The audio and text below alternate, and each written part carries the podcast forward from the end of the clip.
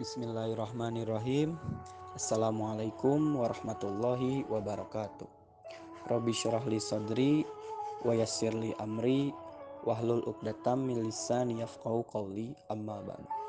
Ya teman-teman, sekarang kita memasuki 23 Ramadan yang di mana 23 Ramadan ini adalah malam ganjil dan semoga amalan soleh yang kita kerjakan dapat diterima dan bernilai di hadapan Allah dan semoga Ramadan kali ini kita mendapatkan Lailatul Qadar.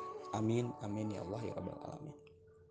Ya teman-teman, di sini saya Hamzah akan sedikit berbagi ilmu yang saya miliki dari kisah tokoh pemuda muslim yang hidup di zaman Rasulullah Shallallahu. Beliau bernama Usama bin Zaid. Usama bin Zaid lahir di Mekah pada tahun 616 Masehi atau tujuh tahun sebelum Hijriah. Beliau anak dari Ummu Aiman dan juga Zaid bin Harisah. Yang kita semua ketahui bahwasannya Zaid bin Harisah ini adalah anak angkatnya Rasulullah Shallallahu. Sehingga Usama bin Zaid semasa hidupnya senantiasa berada di dalam lingkungan Rasulullah SAW. Singkat cerita, ketika anak-anak, Rasulullah memanggil cucunya Hasan dan juga Usama. Maka dipanggillah keduanya dan Rasulullah mendekap keduanya. Pada saat itu Rasulullah berdoa sehingga dikatakan di dalam riwayat Bukhari Rasulullah berdoa kepada Allah, "Ya Allah, sungguhnya Aku mencintai kedua orang ini, maka cintailah mereka. Luar biasa teman-teman. Usama bin Zaid didoakan bukan hanya oleh orang soleh, tetapi juga sekaligus manusia terbaik kekasih Allah.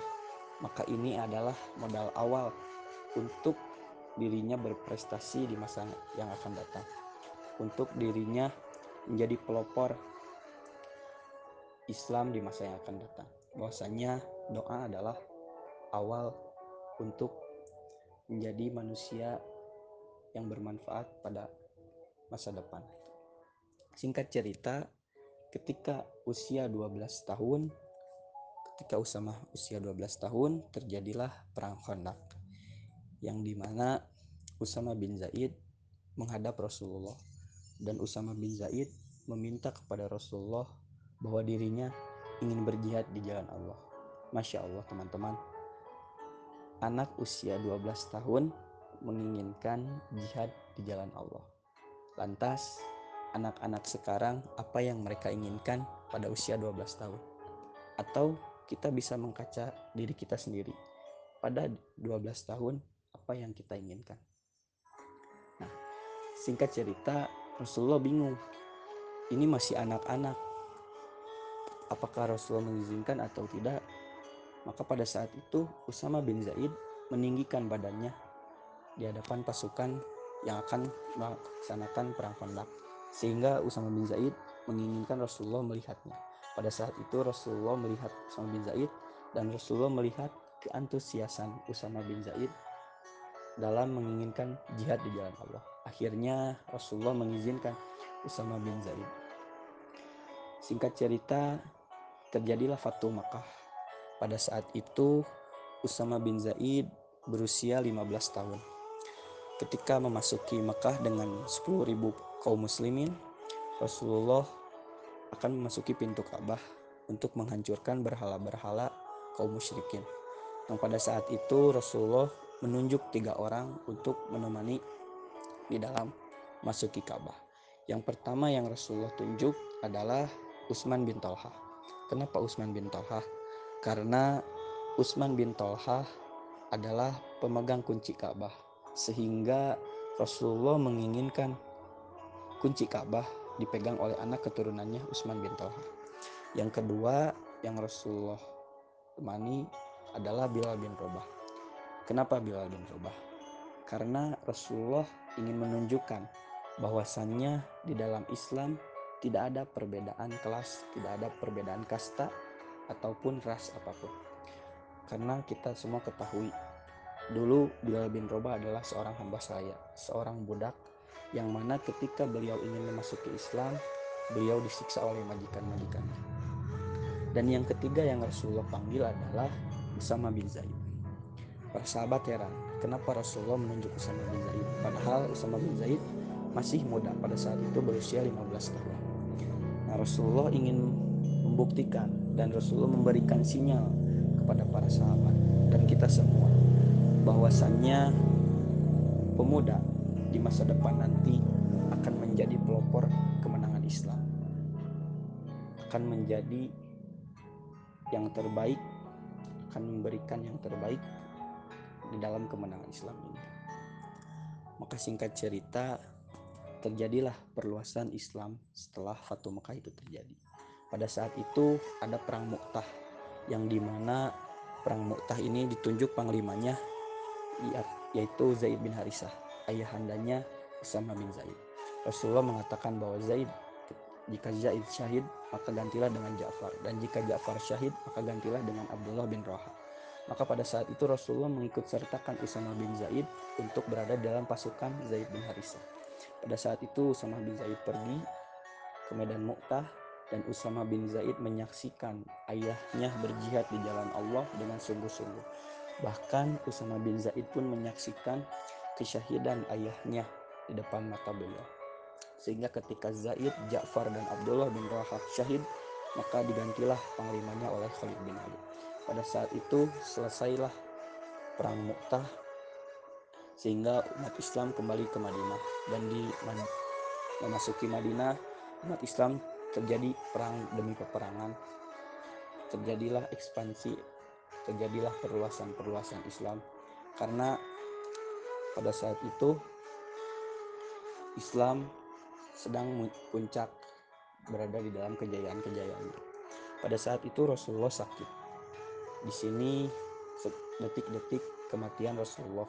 Ketika itu Rasulullah memanggil Usama bin Zaid. Pada saat itu Usama bin Zaid berusia 18 tahun dan Rasulullah memegang dada Usama bin Zaid. Sehingga Rasulullah menyuruh para sahabat untuk pergi kembali ke daerah Mu'tah, untuk pergi kembali ke Syam, pergi kembali ke Romawi. Pada saat itu Rasulullah memegang dada Usama bin Zaid dan mendoakan Usama bin Zaid dan Rasulullah menunjuk panglimanya adalah Usama bin Zaid. Para sahabat heran dan terjadilah desas-desus bahwasanya kenapa harus Usama bin Zaid yang jadi panglima.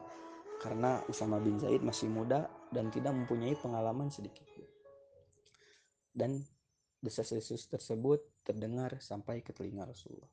Dan Rasulullah mengatakan kepada para sahabat, bukankah dulu ayahnya pemimpin yaitu Zaid bin Harisah? Maka pantaslah Usama bin Zaid ini menjadi pemimpin. Maka pada saat itu para sahabat sadar bahwasanya perintah Rasulullah tidak mungkin berasal dari nafsu, bahwa ini adalah instruksi dari wahyu yang berasal dari Allah Subhanahu wa taala. Maka pada saat itu Usama bin Zaid pergi ke Romawi bersama 3000 pasukan. Dan pada saat itu terjadilah peperangan yang dipimpin oleh Usama bin Zaid. Sehingga di waktu yang sama Rasulullah wafat dan pada saat itu terjadilah pengangkatan khalifah yakni khalifah Abu Bakar As-Siddiq. Ketika Usama bin Zaid dan pasukannya kembali ke Madinah, maka pada saat itu tidak ada satupun yang meninggal di bawah pimpinan Usama bin Zaid.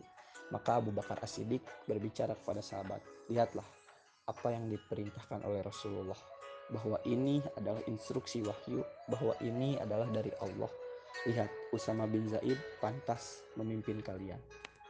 Masya Allah.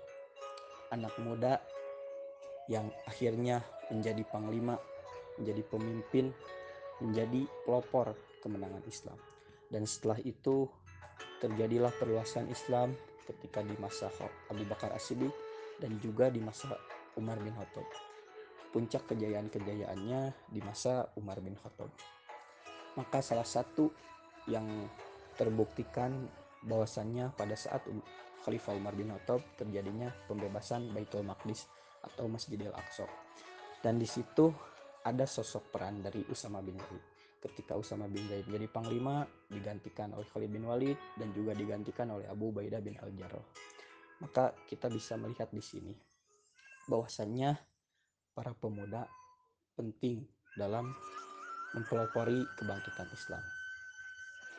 Kita bisa lihat sosok dari Usama bin Zaid, poin-poin penting dari Usama bin Zaid. Yang jelas, yang pertama bahwa dia adalah hubu Rasulullah, kesayangannya Rasulullah. Dan yang kedua jelas beliau adalah sahabat Rasulullah yang hidup di zaman Rasulullah Shallallahu Alaihi Wasallam. Dan yang ketiga beliau senantiasa berada di lingkungan yang baik. Bagaimana beliau dibimbing langsung oleh Nabi dari masa kecilnya hingga dewasanya.